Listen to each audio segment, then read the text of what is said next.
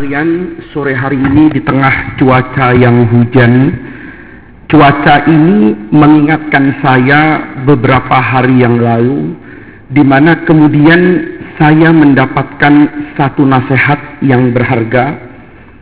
Kira-kira mungkin satu minggu yang lalu atau sepuluh hari, satu minggu yang lalu, saya punya acara di Jogja. Setelah selesai acara, kira-kira jam satu malam atau setengah dua saya diantar balik ke hotel di tengah-tengah kota Yogyakarta. Kemudian di hotel itu saya tidak bisa tidur karena saya harus bangun subuh sekali. Saya harus pergi ke bandara ke lapangan terbang karena saya harus naik pesawat waktu itu yang pagi sekali. Saya khawatir nanti saya tidur karena capek sudah dua hari kurang tidur. Sekali tidur langsung apa itu? Pulas. Bangunnya bukan jam 5 tapi jam 5 sore. Walaupun sama jam 5 tapi tidak enak kalau bangunnya tahu-tahu jam 5 sore. Maka jam setengah dua saya berganti baju. Yang asalnya pakai sarung dan pakai baju saya jalan di kota Yogyakarta itu naik becak. Udaranya asalnya enak Tahu-tahu hujan tiba-tiba apa ini? Turun. Karena hujan turun, tukang becaknya nyerah. Takut dia apa ini? Kepleset dan begini dan begitu. Intinya, malam hari itu di tengah hujan yang deras, saya berteduh. Tahu berteduh? Ya, berteduh itu supaya nggak kehujanan. Saya berteduh di tukang goreng mie. Jadi ada orang jualan mie Jawa. Dia kemudian punya tenda yang lumayan untuk kita berteduh. Maka saya berteduh ya. Tendanya itu sudah cukup tua, gerobaknya juga tua, yang goreng juga tua. Jadi semuanya itu sudah cukup apa ini? Tua. Saya waktu itu yang paling apa ini? Paling muda. Karena tukang becaknya juga kebetulan sudah apa ini? Sudah tua tukang becaknya tua, tukang mie tua, kita berteduh di tenda yang juga sudah apa ini? Tua. Saya lihat orang tukang ini mukanya itu ceria. Padahal itu setengah dua malam, hujannya cukup deras di Jogja waktu itu. Kemudian yang pasti tidak ada orang yang keluar rumah Orang itu biasanya kalau sudah hujan, apalagi sudah setengah dua malam, mereka lebih memilih tidur daripada apa ini? Jajan. Maka saya waktu itu duduk, saya lihat orang tua ini mungkin usianya tidak beda dengan ayah saya. Guratan-guratan di mukanya itu menunjukkan kalau orang ini berjuang untuk hidup dengan penuh pengorbanannya.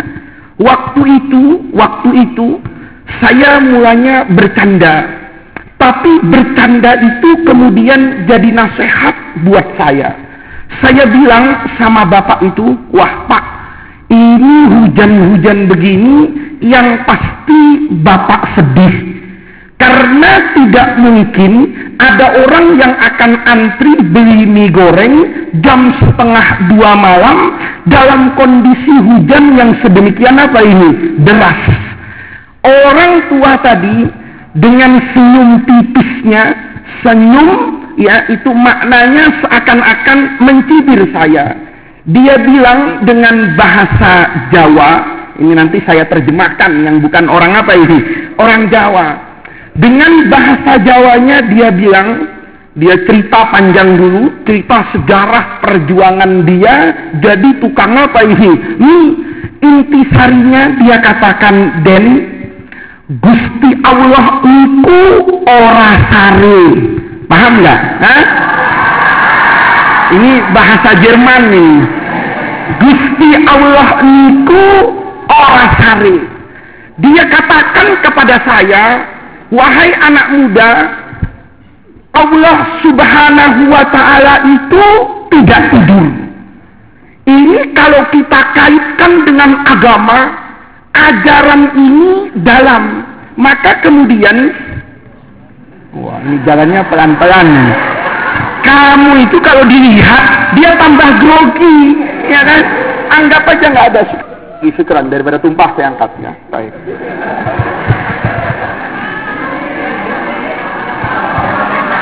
Saya ini terus ya. Saya itu baru menjadi mengerti bahwa di gerobak tukang mie itu, tukang mie itu gerobaknya, kemudian dia nempel slogan.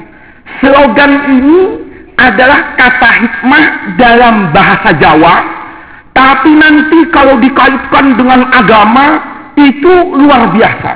Dia tulis di gerobak dorongannya itu, dia tulis mie goreng Jawa asli. Di bawahnya dia tulis filosofi Jawa ini juga nanti saya terjemahin.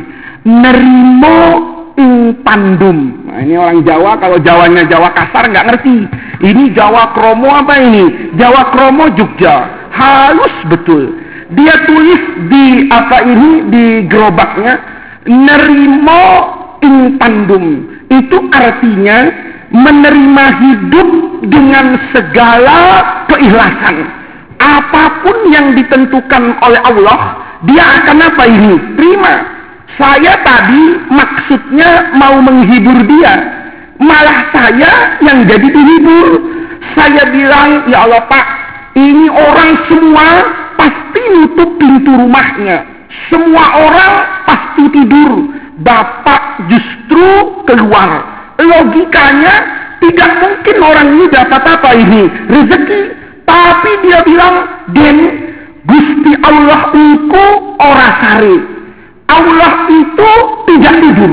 Apa yang ingin dia katakan? Kalau malam hari ini hujan, Allah itu tidak tutup mata. Dia cerita, kalau lagi hujan, rezeki saya di gerobak ini berkurang. Tetapi saya ini walaupun miskin, masih punya tanah sepetak dua petak Begitu musim hujan turun, kata dia, istri saya senang. Kenapa? Bisa ke sawah, nanam tanam-tanaman, tanamannya akan berkembang karena airnya cukup. Itu kata dia.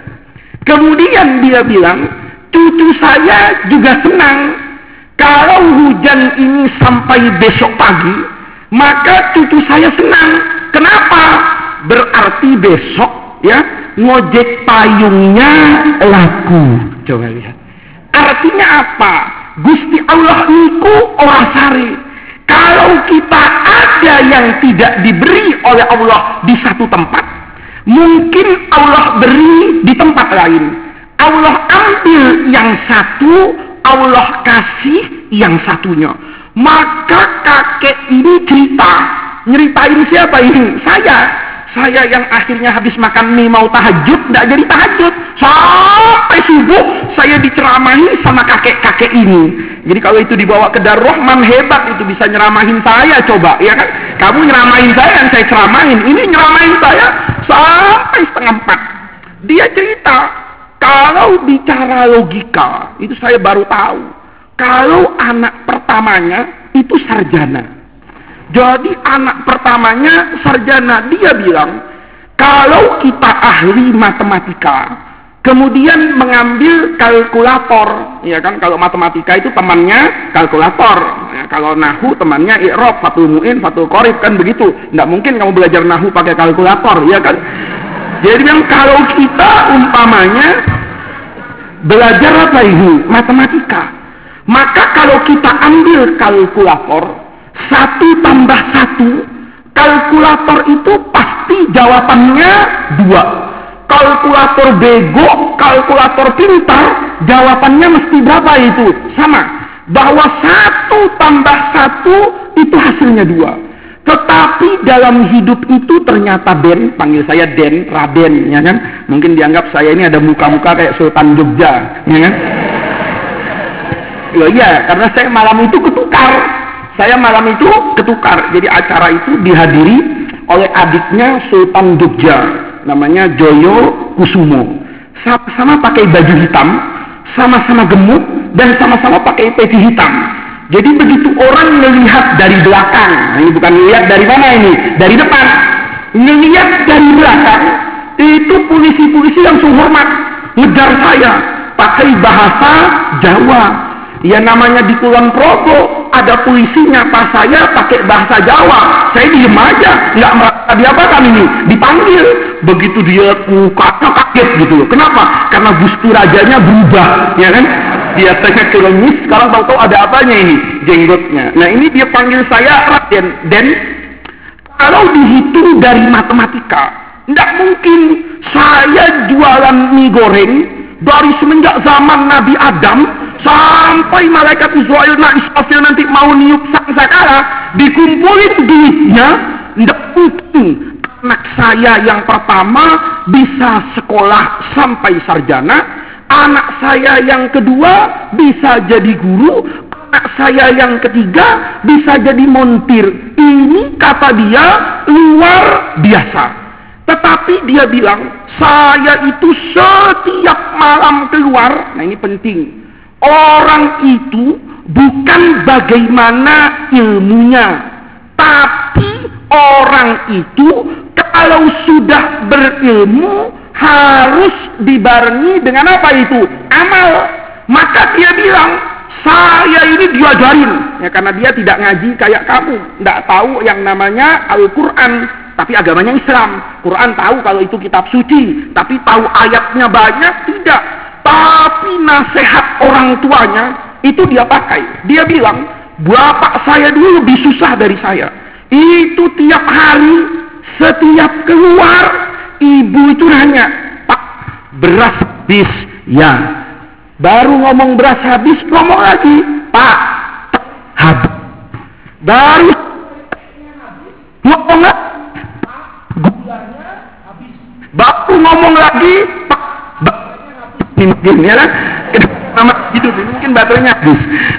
Kalau begitu kata dia, bapak saya dulu bapaknya kak itu keluar dari rumah pikirannya pusing. Kenapa? Ya itu cuma jualan pengki, tahu pengki? Orang itu nggak setiap hari beli apa itu? Beli pengki. Kalau beras, orang pasti setiap hari beli apa itu? Beras tapi kalau yang namanya pengki, itu belum tentu orang seminggu sekali beli apa itu? Pengki. Bapak saya itu katanya dulu bawa pengki keluar, semangat luar biasa. Kadang-kadang pulang, ya tenaganya habis, pengkinya utuh. Artinya tidak apa ini, tidak laku. Tapi kami, kata dia, semiskin-miskinnya, itu tidak pernah tidak dapat apa itu, rezeki. Kenapa? Bapak saya dulu itu tiap nyangkut apanya pengkinya itu dibawa ke pikulan itu jalan ibunya ini biasa kan perempuan tuh suka apa itu nyotos mulutnya kayak kereta api nggak pakai apa rem bilang pak ingat? Gula habis beras habis sabun habis semuanya habis. Kalau laki-laki sekarang mungkin sudah apa itu? Udah tutup kupingnya minum panadol. Kenapa? Pusing. Baru ini tapi bapak saya kata si tukang mie itu jalan keluar itu tenang. Sambil bilang sama istrinya, artinya sama ibunya, sudahlah bu tenang, Gusti Allah niku ora sari. Maka saya tiap dorong apa ini gerobak ini, saya tahu rizki yang dari Allah itu tidak pernah salah alamat. Yang salah alamat itu tukang pos. Kadang-kadang surat mestinya ke kanan, diserahkan ke mana ini? Ke kiri. Tapi kalau posnya dari Allah, dia tidak akan pernah apa ini? Nyasar. Maka kata tukang mie itu, saya jalan. Setiap saya jalan, saya selalu berkata, Ya Allah, Gusti Allah niku orasari. Allah itu dengar. Istri saya banyak kemauannya. Anak saya itu banyak kebutuhannya dompet saya itu kosong isinya. Maka Allah maha adil. Man yazra yaksud. Siapa yang pernah menanam, dia pasti akan apa itu? Memetik. Maka saya bilang, ini yang namanya apa yang dijanjikan oleh Allah subhanahu wa ta'ala. Kamu buka surah As-Sajdah. Pernah baca enggak? Hah? Ya kok nggak pernah saya kasih tahu ya, biar baca surah apa ini? As-Sajdah. Ini kan kalau santri fasenya Yasin hafitu, Al-Kahfi hafitu, al apa lagi? Al-Waqiah hafitu. Yang lain juga perlu apa ini? Hafitu. Ini milih surat yang ada apanya ini? Manfaatnya. Kenapa hafal surah Waqiah? Takut miskin, kan ya kan? Tiap malam dia makan ini. Dibaca Quran itu tidak saja surah apa ini? Baca surah As-Sajdah. Urutannya nomor berapa lagi surah Sajdah itu? Hah? Yang pertama Al-Fatihah, yang kedua Al-Baqarah, yang ketiga Ali Imran, yang keempat An-Nisa, yang kelima Al-Maidah, yang keenam lupa. Ya kan yang ketujuh ada, pokoknya yang kedelapan pasti ada itu so. Surah As-Sajdah itu urutannya yang ke-32, ya. Di surah As-Sajdah itu Allah memuji orang-orang yang apa ini? Yang beriman. Nanti di bagian awal tengah-tengah itu Allah berfirman, "Fala ta'lamu nafsun ma ukhfiya lahum min qurrati a'yunin jaza'an bima kanu ya'malun.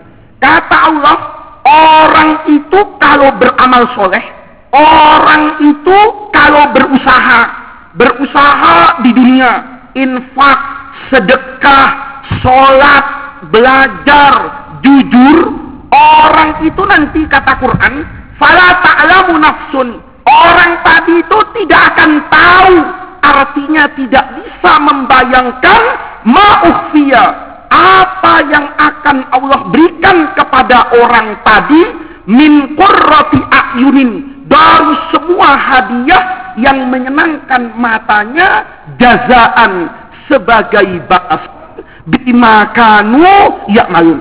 Maka ayat ini diterapkan sama tukang mie tadi dengan penerapan yang benar. Dia bilang setiap malam saya berdoa. Karena saya tahu Allah itu tidak ada yang nganterin, tapi harus diapakan ini dicari. Maka setiap malam saya keluar. Kadang-kadang angin, kadang-kadang hujan debu dari gunung merapi, kadang-kadang listrik padam, kadang-kadang hujan tapi saya selama sehat tetap peluang. Karena tadi Gusti Allah ini ya ini Rupanya ini anu nggak mau dia apa nggak mau dimadu ini harus satu-satu ya kan. Kalau kita lihat ya kita lihat nasihat tadi itu luar biasa. Orang itu kalau sudah berusaha dengan benar, berusaha dengan maksimal, kemudian didorong dengan penuh kejelasan, kadang-kadang apa yang Allah berikan itu di luar jangkauan dia, bahkan di luar sesuatu yang dia bayangkan. Maka kamu di Darul Rahman ini tugasnya adalah apa ini? Belajar. Tugasnya adalah yazro yang benar. Nanti satu hari kamu akan memetik dari apa yang kamu tanam sesuai dengan kadar iman dan. Dulu ada satu cerita yang luar biasa. Di Madinah itu, Imam Malik dan Imam Sufyan As-Sawri punya guru, guru laki-laki. Namanya Robi'ah. Robi'ah ini dalam bahasa Arab nama yang apa ini? Yang bisa digunakan untuk laki-laki dan bisa digunakan untuk apa ini? Perempuan. Secara umum dia kalau laki-laki disebut robi, cuma kadang-kadang dikasih tak marbutoh lil mubalaghah. Robi itu artinya apa itu? Tahu robi? Apa artinya robi? Hah? Robi itu musim semi yang segar. Jadi kalau robi ah seger banget gitu loh. Jadi kalau ada orang namanya robi ah adawiyah itu tidak boleh suka tidur. Kenapa? Karena nggak sesuai dengan apa ini namanya di Madinah itu ada seorang imam yang namanya Robiah. Dia dikasih gelar Ra'i. Ya, jadi nama bapaknya ini tidak pernah apa ini muncul. Jadi yang terkenal imam ini namanya Imam Robi'atu Ra'i. Sejarah orang ini luar biasa. Ya, Robi ini Roka, kamu kedengar yang di belakang? Hah? mati dengar nggak? Hanya gitu. Ya. Ayahnya Robiah ini, ini mungkin banyak jinnya di ruangan ini. Jadi kehalang-halang ya. Robiah ini punya ayah dengan ibu yang cukup unik. Ayahnya ini namanya Farruh. Dia adalah katakanlah ajudannya sahabat Rasulullah yang namanya Robi bin Haris, eh, Robi bin Ziyad al Harisi. Jadi Robi bin Ziyad ini punya anak buah namanya Farruh. Farruh ini orangnya sangat tampan, gagah perkasa. Maka dia kemudian nanti oleh dinasti Bani Umayyah yang ada di Damaskus dijadikan seorang ahli strategi perang. Jadi kalau kaum muslimin mau jihad, Farruh ini dijadikan apa ini? Konsultan strategi perang. Satu ketiga kata Ziyad, wahai Farruh, karena engkau ini sudah banyak berkhidmat kepadaku, maka sekarang waktumu untuk cuti. Katakanlah istirahat. Maka Farruh ini, pemuda tampan ini pulang ke rumahnya di Madinah. Dia punya rumah di tempat yang paling apa ini? Elit.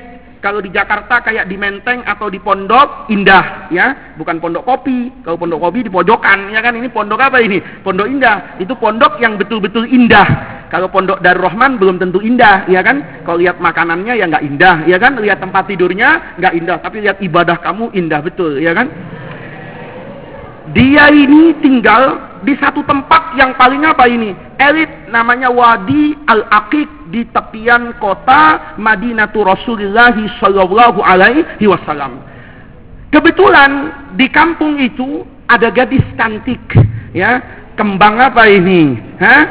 Kembang des, bukan kembang desa itu kota, ya kan? Kembang apa ini? Kembang kota, ya kan? Namanya Suhailah. Maka orang di kampung itu menjodoh-jodohkan Ya, kenapa? Karena ini akan jadi pasangan-pasangan apa ini? Idaman yang serasi. Laki-lakinya tampan, kemudian istrinya apa ini? Cantik, ya. Tapi ada lagi cerita, ya. Dulu itu ada orang, ya, suaminya jelek, jelek banget, ya. Istrinya cantik betul, ya. Ya entah pakai jurus apa, mungkin istrinya katarak matanya. Jadi waktu memilih itu tidak lihat apa itu. Lakinya, ya. Ini sebelum saya cerita supaya tahu nanti. Nggak selamanya cantik dan tampan itu membahagiakan. Jadi suaminya ini jelek banget ya. Istrinya cantik banget. Maka setiap hari suaminya itu ngeliatin istrinya aja ndak ada apanya. Bosan-bosannya lama-lama ya suaminya itu berbangga diri kata suaminya hebat juga saya casing zaman Gajah Mada, ya kan? Tapi bisa ngambil apa ini? Bisa ngambil gadis yang luar biasa. Kata istrinya, saya, maka kata suaminya, saya ini berharap engkau juga nanti jadi istri saya di surga. Kata istrinya, oh tentu mas, karena kita berdua masuk ke dalam surga. Suaminya kaget, lo kok bisa? kita nanti masuk ke dalam apa ini? Surga. Loh iya dong. Karena pernikahan kita adalah pernikahan yang direstui oleh Al-Quran. Coba bayangin. Direstui oleh siapa ini? Al-Quran. Suaminya bingung. Bagaimana itu? Dia bilang. Engkau setiap hari. Eng, maaf. Engkau yang buruk rupa. Setiap hari. ya Ini nunjuk saya bukan kamu. Bukan. Ini saya acting. Ya. Orang kalau pidato itu, orang kalau bicara itu, tangannya bergerak itu semakin apa itu? Baik.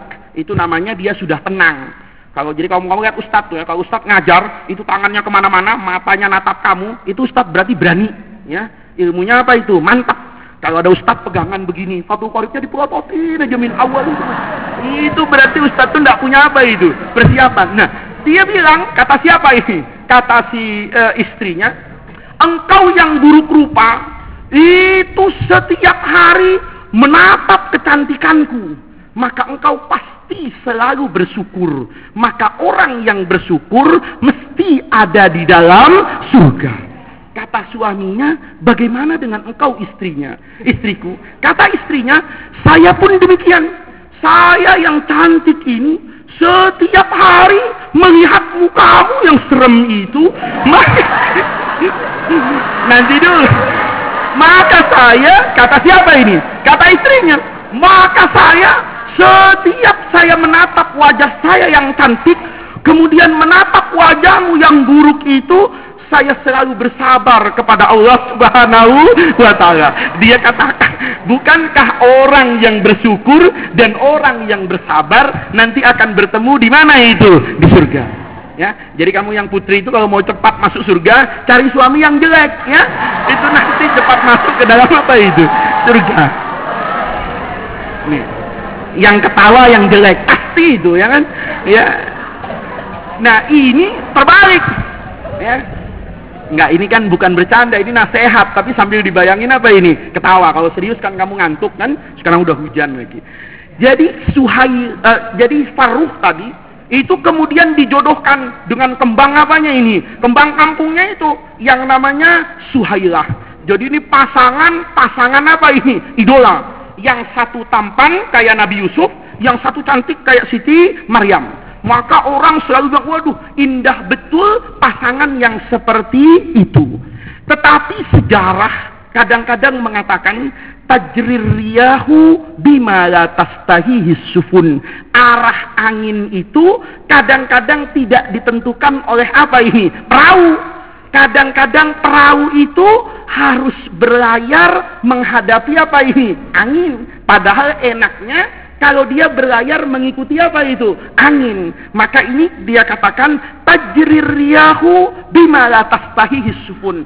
Di tengah-tengah bulan madu yang asik ya, karena tidak pernah pacaran. Nah, ini orang kalau tidak pernah pacaran enak nih. Begitu kawin, kawinnya langsung apa ini? Pacaran. Jadi kedua-duanya ini sedang merasakan hangat-hangatnya kumpul antara laki-laki yang tampan dengan perempuan yang apa ini? Yang cantik. Itu kalau pengantin baru kayak begini itu seminggu nggak keluar kamar itu, ya kan? Kenapa? Karena udah seneng dia sudah ini. Nah, tiba-tiba, tiba-tiba datang merpati pos. Tahu merpati pos? Burung merpati yang bawa apa ini? Surat. Dia datang surat, dia pikir kado karena bosnya nggak bisa datang waktu dia walimahan, dia pikir merpati ini bawa surat isinya ATM 10 miliar umpamanya, ya kan?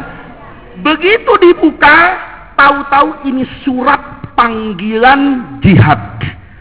Jadi Farruh ini dipanggil sama khalifah cepat untuk ke Damaskus. Kenapa? Karena kaum muslimin yang ada di perbatasan Iran sekarang ini sedang diganggu oleh pasukan kafir dari negeri yang namanya Armenia yang sekarang jadi Rusia bagian selatan. Maka Faruk ini dipanggil Pokoknya harus datang ke Damaskus di tengah-tengah bulan madu yang mengasihkan, di tengah-tengah cinta sedang berse bersemi. Maka berunding dua orang ini. Makanya yang jadikan orang hebat tuh Faruh, bukan saya. Oh, kalau saya saya sobek itu apa ini? Ah, ini khalifah nggak tahu nih, baru aja kawin. Masa sudah disuruh apa ini? Pergi. Tapi Faruh bilang sama Suhaila, Wallahi, ini panggilan untuk menyelamatkan umatnya Rasulullah. Kalau dulu Sayyidina Umar itu memasukkan pasukan Islam dan memasukkan ajaran Islam ke bangsa Persia itu sedemikian Al-Haris Ibn Musanna harus mati, pasukan Islam harus kalah di Waqatul Jisr, kemudian pasukan Islam harus porak-poranda pada awal peperangan Al-Qadisiyah. Sekarang kita ini cuma ngejagain dari apa yang diwariskan Umar, masa saya akan menolak panggilan jihad itu dengan muka seperti apa kelak saya bertemu dengan Umar bin Khattab di akhirat. Maka dia putuskan dan istrinya untuk ikhlas berangkat. Kata Faruh, sabar deh Suhaila, paling lama sebulan nanti jadi 30 tahun perpisahan itu. Ya kan? Begitu kompak, udah kata siapa ini? Kata Faruh, saya ini seumur hidup jadi panglima perang, punya tabungan nilainya 30 ribu dinar. Ya kan orang kaya 30 ribu dinar. Kalau miskin jadi 30 ribu dirham. Ya kan? Kayak uang itu kan sama begitu, sama-sama merah tapi yang satu merahnya menyenangkan, yang satu merahnya tidak menyenangkan. Sepuluh ribu sama seratus ribu. Nah, itu itu mesti itu kalau kita ngasih pengemis, ada pengemis, dua-duanya merah atau ada tromol masjid. Itu biasanya orang Islam ngerem itu. Ini merah dua, direm dulu. Yang mana? Jangan sampai salah masuk, masukin. Kan ada itu. Orang masih sedekah sama pengemis minta kembalian, ya. Itu kebaketan. Kenapa? Karena dia salah ngasih yang apa itu? Merahnya. Ini punya duit 30 ribu apa ini? Dinar. Maka 30 ribu dinarnya ini dikasih sama istrinya. Dia berwasiat, wahai istriku, ini uang saya, tabungan saya seumur hidup jadi panglima Bani Umayyah, ini ada uang 30 ribu dinar. Tolong 30 ribu dinar ini diapakan ini? Disimpan dan dijaga. Jangan digunakan kecuali untuk sesuatu yang bermanfaat di dunia wal akhirah. Maka berangkat farduh ini. Kita lepas dari berangkat ini jihad ini, ya. Asalnya pamitnya sebulan, nanti jadinya 30 apa ini? Tahun. Pamitnya 30 hari, tahu-tahu 30 apa ini? Tahun. Tapi apa yang Allah berikan buat orang yang menghibahkan hidupnya untuk siapa ini? Allah. Maka begitu berangkat, Suhailah ini nggak tahu kalau dia sekarang sudah apa ini? Hamil karena dulu tidak ada tes spek ya. Kalau perempuan hamil sekarang kan gampang beli, beli yang kayak korek kuping itu, ya kan? Kemudian dia suruh kencing, kalau sudah warnanya berubah berarti positif hamil. Kalau dulu kan nggak ada. Orang hamil itu ketahuan kalau sudah apa ini? Muntah-muntah atau perutnya sudah bawa drum band. Itu dia baru apa ini? Baru ketahuan kalau dia sudah apa ini? Hamil. Ya ini karena nanti dulu. Ini karena teknologi kan? Teknologi. Jadi Suhaila ini tidak tahu kalau dia ketiga ditinggal oleh siapa itu? Oleh suaminya, dia dalam keadaan apa ini? Hamil. Waktu itu tidak ada alat komunikasi. Dan dia tidak tahu suaminya itu jalannya ke mana. Maka dia begitu dia hamil, dia ikhlas menerima itu.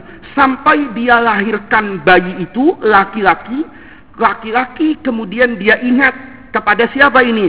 Sahabat Rasulullah yang membesarkan Farruh tadi. Sahabatnya namanya Robi, maka anaknya dikasih nama apa ini? Robi'ah. Maka Robi'ah ini tumbuh jadi anak yang apa ini? Yang tampan dan pintar. Suhailah sendiri itu juga berperang. Berperang dengan apa ini? Dengan suara hatinya. Artinya apa? Ini kan janda, janda apa ini? Kembang kalau janda kembang pasti banyak yang mau. Kalau janda demek nggak ada yang ngapain itu. Nah, ini janda janda apa ini? Janda kembang masih muda, ya kan? Kaya, kemudian suaminya tidak jelas ke mana. Maka yang namanya kaum pemuda di kota mana ini? Madinah. Banyak yang ngapain nih? Yang naksir. Dia bilang, ah suamimu tuh udah pergi nggak jelas ada di mana. Namanya orang perang kan lebih banyak matinya daripada apanya hidupnya. Anggap aja suamimu mati kawin sama saya. Apa engkau akan menghabiskan kesetiaanmu dan kecantikanmu sampai apa ini tua? Suhailah itu dia cerita dalam apa ini? Dalam buku hariannya, dia diarinya kalau dia punya diare umpama, ya kan?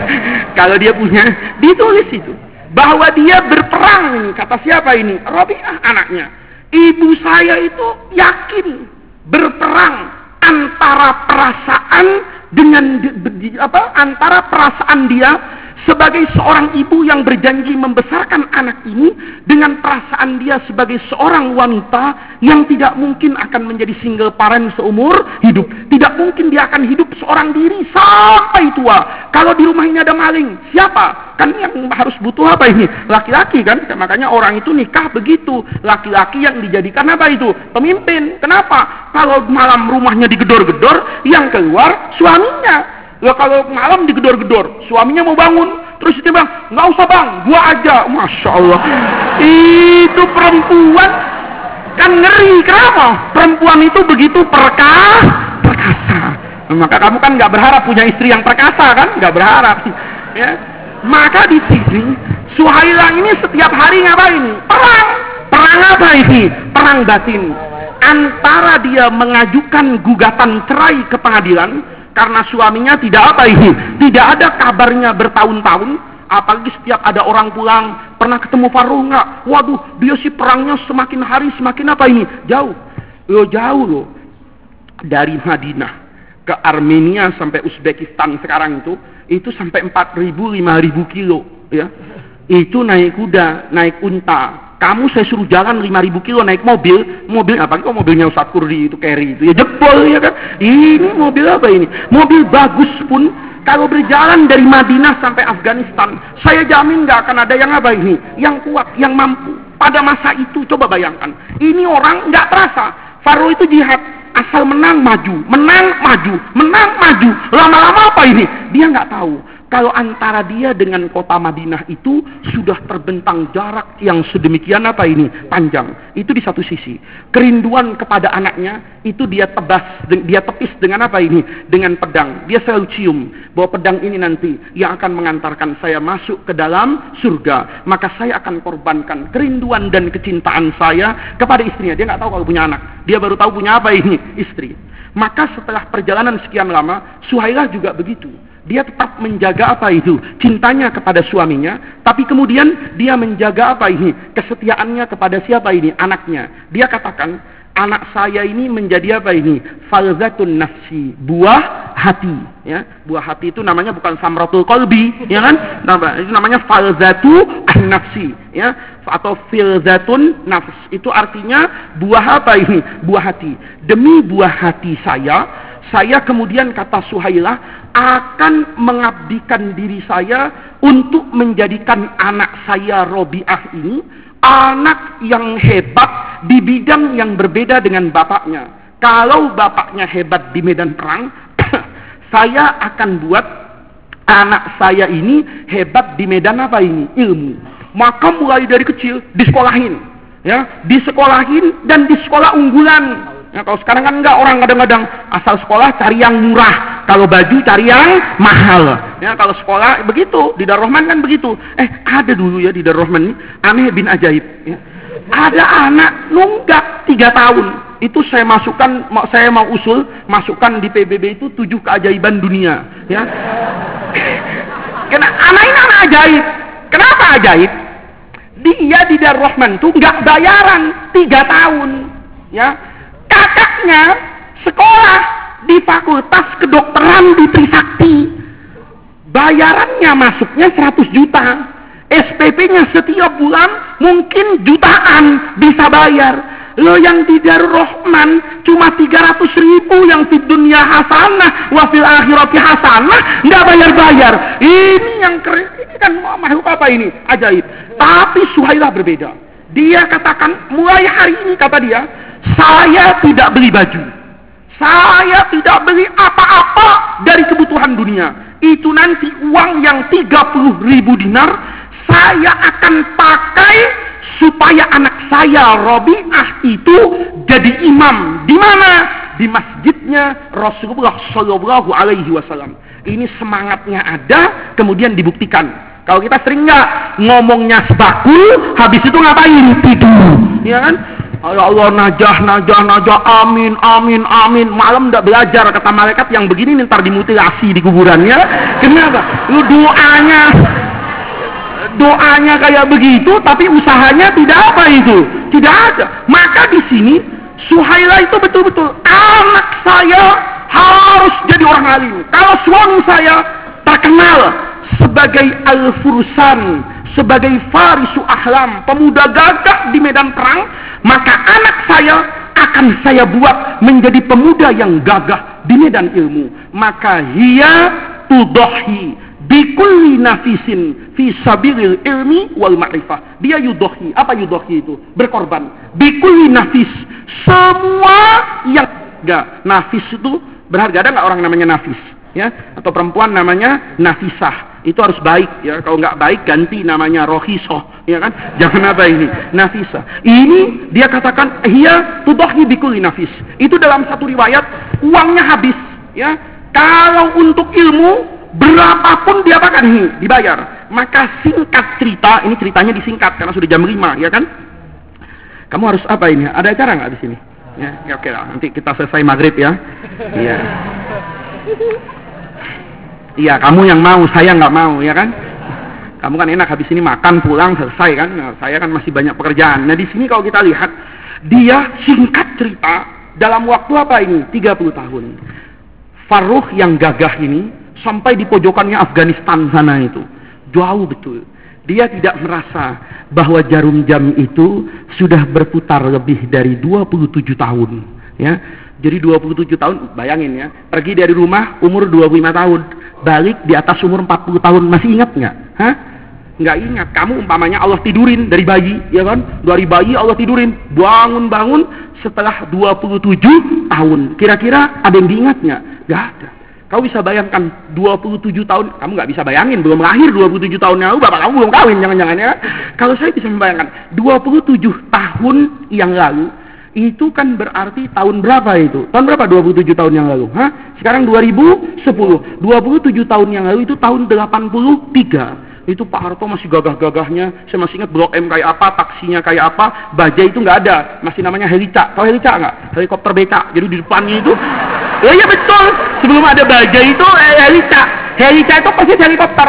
Supirnya di belakang. Tapi pakai apa ini? Mesinnya motor. Jadi kalau nanti yang naik ini ibu-ibu tiga, gemuk semua, kemudian yang di belakang yang nyupir kurus kering, itu biasa sering jomplang, ya kan? Begitu belok di Tebet, itu biasa, itu kecelakaan helica itu merupakan lagu wajib setiap apa ini? Minggu. Jadi dulu bisa kita bayangkan, 27 tahun yang apa ini? Yang lalu. Faruq begitu 27 tahun, dia merasa, ya subhanallah, ya, al-waqtu kasaif Waktu itu seperti pedang. Tanpa terasa kita suka diapakan ini dimakan. Maka kata Faruk dia ngaca. Ya Allah, saya yang muda sekarang sudah apa ini? Tua. Kulit yang mulus mulai berkerut, ya. Rambut yang apa ini? Yang hitam mulai ada yang apa ini? Yang putih satu demi satu. Kata Faruk, kayak apa sekarang istri saya? Suhailah masih cantik apa tidak ya? Setelah saya tinggal selama 27 tahun. Maka saat itu perang sudah selesai. Dia kirim surat. Khalifahnya udah mati, ya kan? Sudah ganti apa ini? Khalifah. Dia minta apa ini? Dispensasi. Pengabdian ini ya bukan sudah cukup. Ibarat air itu udah tumpah-tumpah. Kenapa? Sudah 27 tahun. Maka laki-laki gagah yang tua ini pulang. Pulang. Pulangnya nggak langsung Gimana? Tiap ada perang ikut dulu, ya kan? Di perang dulu, nanti menang lagi dia terus. Nanti ada perang lagi, ikut lagi begitu. Makanya perjalanan yang mestinya setengah tahun jadi tiga tahun. Genaplah dia masuk ke rumah ke kota Madinah setelah 30 tahun dia tidak apa ini melihat. Iya kan? Maka kemudian dia lihat kota Madinah ini. Tidak ada yang banyak berubah. Maklum zaman itu kan belum ada traktor ya kan? Belum ada jalan melayang belum ada mobil ya semua. Ya ada perubahan tetapi tidak seberubahnya kota mode modern maka dia datang ini singkat ya dia masuk masuk kota Kemudian seperti kebiasaan para orang soleh terlebih dahulu, kalau masuk ke kota Madinah, dia ziarah dulu ke mana ini? Ke makamnya Rasulullah Shallallahu Alaihi Wasallam. Dia berdoa khusyuk. Itu datang beliau waktu duhur. Maka dia gunakan antara duhur dengan asar ini untuk ziarah ke makam siapa ini? Rasulullah. Ini namanya adab mendahulukan Rasulullah daripada mendahulukan siapa ini keluarganya rasa kangen ya kangennya udah kebangetan itu ya ibarat ibarat masuk angin itu kalau dikerokin kangennya itu bukan merah lagi itu hitam mungkin kenapa sudah kangen dipendam selama 30 tahun maka kemudian dia berjamaah asar setelah berjamaah asar, dia di belakang. Karena dia maksudnya habis sholat nanti tidak lama dia mau apa ini? Mau pulang. Tiba-tiba dia melihat ada perubahan di masjid Rasulullah. Di masjid itu kalau habis asar itu ada pengajian. Pengajiannya ramai karena ustadznya ustadz favorit ya. Ustadznya ustadz apa ini? Favorit. Maka dia lihat subhanallah. Suara orang ini, suara orang ini kata dia mengingatkan saya kepada suaranya Abdullah ibni Umar, anaknya Sayyidina Umar. Dia kan tidak bertemu dengan Rasulullah. Dan kata banyak orang, suaranya Ibnu Umar itu di antara suara mayoritas sahabat itu suara yang paling mirip dengan suaranya Rasulullah Shallallahu Alaihi Wasallam. Kata dia, Ustadz ini berwibawa sekali, tapi dia nggak lihat mukanya. Ngajarnya enak sekali. Maka dia tanya sama siapa ini? Sama orang di Madinah. Eh, bang, ini ustadz baru yang ngajar. Oh iya, ente orang mana? Kata dia nggak ngaku kalau orang apa ini. Madinah lah 30 tahun nggak pulang ya kan? Mungkin itu anak yang sekarang dulu umur 10 tahun, sekarang sudah umur berapa tahun itu? Sudah umur 40 tahun. Dia katakan, wah, bapak nggak tahu. Ini ustadz favorit. Di mana favoritnya? Kata siapa ini? Kata Farouk. Itu favoritnya, lihat siapa yang duduk jadi muridnya. Itu yang jadi muridnya aja Malik bin Anas, imamu dari hijrah. Yang di situ itu namanya Sufyan As-Sauri. Itu imam tabi'in. Itu berguru sama anak muda ini. Itu memang ustadz favorit, ustadz idola kami di tanah tumpah di tanah kuburannya Rasulullah Shallallahu Alaihi Wasallam. Faruh itu sebetulnya penasaran, ya karena penasaran dia cuma bilang, iya hebat anak muda ini. Tapi rasa kangen kepada Suhailah itu kali ini lebih besar daripada keinginannya untuk mengaji. Maka dia pulang ke rumah. Masuk rumah itu diteriakin maling. Kenapa dia maling? Ya orang nggak ada yang kenal, udah 30 tahun nggak apa ini. Pulang. Coba kamu di pondok ya, jangan pulang 30 tahun. Berhenti pondok ini kalau ada nizam. Ya nggak boleh pulang selama setahun aja. Berhenti nggak kamu? Oh, di demo. Mungkin ustadznya disantet yang nggak ngasih izin pulang. Karena tidak memberi apa ini. Ini nggak pulang selama 30 tahun. Masuk rumahnya, dia cari rumah dia, tidak banyak berubah. Dia masuk. Itu orang yang tukang kebun di rumah itu teriak haromi. Haromi itu bahasa bahasa Arab. Artinya apa itu? Copet Ya, jadi kalau copet itu dalam bahasa Arab dibilang haromi, termasuk orang nyontek itu haromi. Jadi kalau nanti ujian ada temennya rokum arbahkam itu namanya haro haromi. Itu pencuri. Pencuri apa itu? Pencuri ilmu. Diteriakin pencuri pencuri setengah mau diapakan? Digebukin. Kenapa orang ngelihat dia pencuri yang diteriakin pencuri nggak merasa kalau dia pencuri. Kenapa? Oh, dia merasa rumahnya ya kan? Maka tarik eh, haromi haromi dia pikir siapa? Mana copetnya? Padahal dia dia kan? Dia dipanggil sampai copet. Dia bilang loh apa kalian tidak tahu? Saya ini Faru di tengah ributnya itu Suhailah dengar ya cinta itu tidak bisa membuat orang apa ini? Lupa. Suara boleh semakin tua kulit bukan semakin tapi tatapan mata itu tidak banyak apa itu? Berubah Suhailah ngintip dari mana ini jendela Siapa orang itu? Dia seperti apa ini? Dikejutkan halilintar. Itu suami saya yang saya tunggu bertahun-tahun. Ternyata fala ta'lamu nafsun ma. Dia tidak pernah merasa akan bertemu dengan suaminya di dunia. Tiba-tiba setelah 30 tahun, tidak ada surat, tidak ada SMS, tidak ada telepon, tidak ada kabar, tidak ada angin, ya kan? Tiba-tiba muncul di hadapannya. Maka singkat cerita, saya nggak usah cerita. Gimana ketemunya? Apa pelukan? Apa nangis? Apa gimana itu? Urusan kamu lah, gitu ya. Ya, itu bukan urusan saya. Maka kemudian yang terjadi suaminya dikasih apa ini? Makan. Itu adalah makan malam pertama kali setelah 30 tahun tidak apa ini bertemu. Jadi ceritanya itu panjang betul. Mulai dari sebelum maghrib sampai isya cerita ini tidak habis-habis ya. Pokoknya ceritanya wah ya panjang nyeritain 30 tahun gimana nggak panjang? Maka menjelang isya menjelang isya Faruh tanya, wahai istriku, apa kabarnya uang yang 30 ribu dinar? Istrinya mau jawab bingung. Kenapa? Karena tidak mudah untuk dijelaskan. Ini sejarah 30 tahun. Maka istrinya berusaha ngeles. Tahu ngeles? Apa ngeles itu? Menghindar. ya, Menghindar. Menghindar dengan cara apa? Suaminya dia ngomong, Sudahlah mas, Masa sih baru datang ngomongin duit? Nggak pantas, aib, ya kan? Kita ini nggak usah ngomongin duit. Sudahlah, kamu sholat aja dulu ke masjid Rasulullah, ziarah ke Rasul. Maksudnya biar suaminya ziarah, Suhailah mau cari apa ini? Akal. Nanti jelasinnya gimana? Suaminya udah ziarah udah, sholawat sampai muntah-muntah di sana ya kan? Sholat deh, katanya. Wah, Kata istrinya, gimana lagi? Oh udah, sholat udah, ziarah udah, udah keliling dulu deh ke kota Madinah lihat. Kali-kali ada yang berubah, oh enggak. Di Madinah ini tidak ada yang banyak berubah seperti 30 tahun yang lalu. Suhaila ini kehilangan apa ini? Alasan lagi. Maka refleks dia bilang, masa sih nggak ada yang berubah? Suaminya nggak ada yang berubah. Masa nggak ada yang berubah? Hmm. Karena apa ini? Cari alasan dia. Untuk apa sih? Untuk tidak menjawab, menjawab sekarang. Karena kalau dijawab sekarang, kan tidak apa ini? Tidak pada masanya. Jangan sampai kemesraan yang baru dia rasakan, nanti dirusak oleh suasana. Ya kalau suaminya terima, tahu-tahu 30 ribu habis. Ya kalau percaya. Karena dia nggak tahu sampai detik itu, kalau dia punya apa ini? Anak. Maka hingga satu masa, karena dimasak, masak, masak terus, akhirnya Faruk ingat, oh iya, ada yang berubah di kota Madinah. Apa itu suamiku? Kata siapa ini? Suhailah.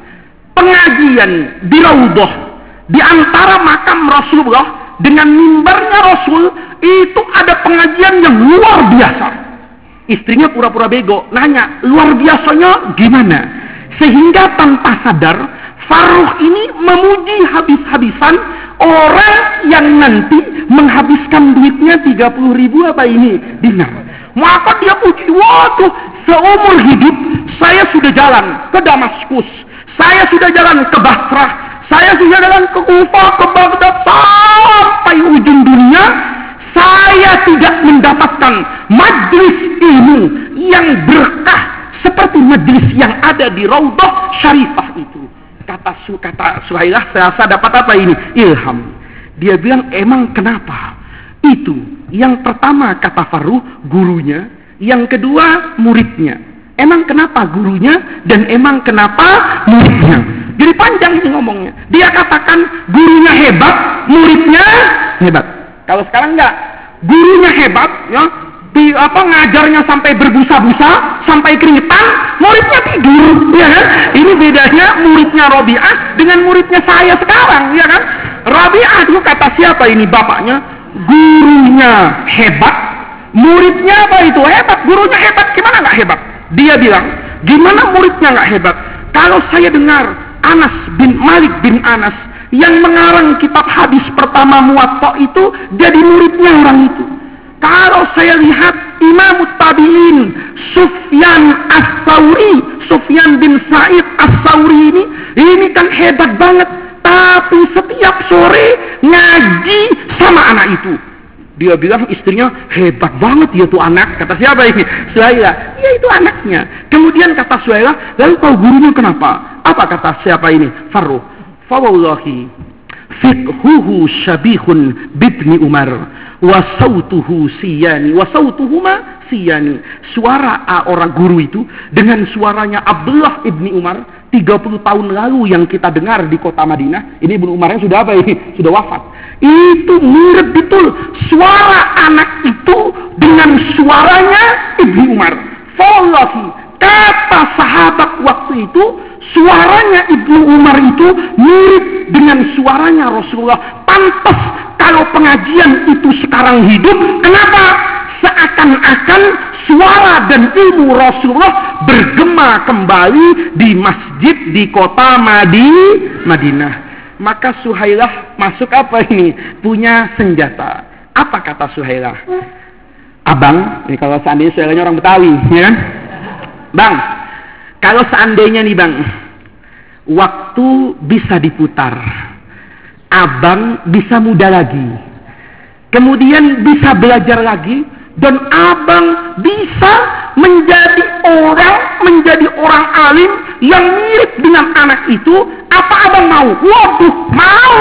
Kalau saya bisa memutar jarum jam ke arah apa ini? Belakang, saya putar 40 tahun lagi, maka saya muda kembali, saya mau belajar, mau jadi orang alim, biar nanti saya bisa ngajar kayak ustadz itu. Kata Suhailah, walaupun ongkosnya 30 ribu dinar bang. Jangan 30 ribu dinar. Dia keluarkan uang lagi. Ini ada tambahan 20 ribu apa ini? Dinar. Kita gabungkan jadi 50 ribu dinar. Kalau Allah bisa mengembalikan saya menjadi muda dan belajar seperti itu saya akan sedekahkan yang 50 ribu dinar ini asal saya bisa menjadi seperti Ibni Umar ngajar di masjidnya Rasulullah Kata Suhailah, Bang, seandainya waktu bisa diputar, abang muda lagi, saya muda lagi. Dia nggak cerita kalau dia sudah punya anak. Kalau abang muda, saya muda, kan kita bisa hamil lagi saya. Ya kalau nenek-nenek hamil kan nggak lucu ceritanya ya. nenek umurnya umurnya udah 50 tahun, masih apa ini hamil? Dokter meriksanya udah kasihan ya kan? Ini kenapa aku bisa hamil umurnya udah berapa tahun ini? 50 tahun. Maka dia cerita, Yo, ini kan betul. Ya kan Suhaila masuknya apa itu? Pelan-pelan. Maka nanti yang perempuan itu kalau jadi istri begitu, jangan nyotos langsung sama siapa ini? Suaminya. Suaminya sudah pusing di palu kepalanya itu. Kenapa? Karena masalah ditumpuk. Coba lihat Suhaila ini. Ini kekasih yang betul-betul mengerti perasaan orang yang dia cintai. Dia tidak mau lukai sekaligus. Dia cerita, Bang, Kalau seandainya waktu diputar 30 tahun lagi, abang umurnya 25 tahun lagi, saya umurnya 20 tahun lagi. Kan kita insya Allah bisa punya apa ini? Anak. Kalau udah 50 tahun kan ibarat aki itu juga nggak ada cashnya semua, udah putus, sudah sowak itu kan, nggak bisa strumnya apa itu nyambung. Maka di sini kata siapa ini? Kata kata siapa ini? Faruh. Fawallahi. Seandainya lau qaddarallah Allah mentakdirkan waktu itu bisa diapain? Diputer, jam diputer. Muternya capek, ya kan coba. Jam 12 puter lagi. Selama 30 apa ini? Tahun. Itu lama sekali. Tapi seandainya bisa, kata Faruh, jangan, ini demi anak ya, jangankan uang yang 30 ribu dinar. Bahkan kalau itu ditukar nafsil tidak ha, jiwa saya harus mati supaya saya punya anak yang hebat di masa yang sudah tua seperti sekarang akan saya bayarkan. Nah, di sini tenang apa ini? Suhailah bilang, "Wahai suamiku, itulah anakmu, Robi atur Ro'i." Orang tidak menyebut nama bapaknya karena orang tidak banyak kenal siapa bapaknya, tapi orang Sumadinah kenal dengan ilmunya, maka dia diberi nama Robi atur Ro'i. Itu yang namanya faruh karena ini orang beragama ya. Langsung apa ini? Takbir. Allahu Akbar. Kalau orang nggak sekolah, buset, bisa ya iya kan? Ya ini karena apa ini? Beragama dia. Jadi dia langsung apa ini? Allahu Akbar. Nah, dia Allahu Akbar ini kenapa? Karena dia tahu fala ta'lamu nafsun ma'uftiya.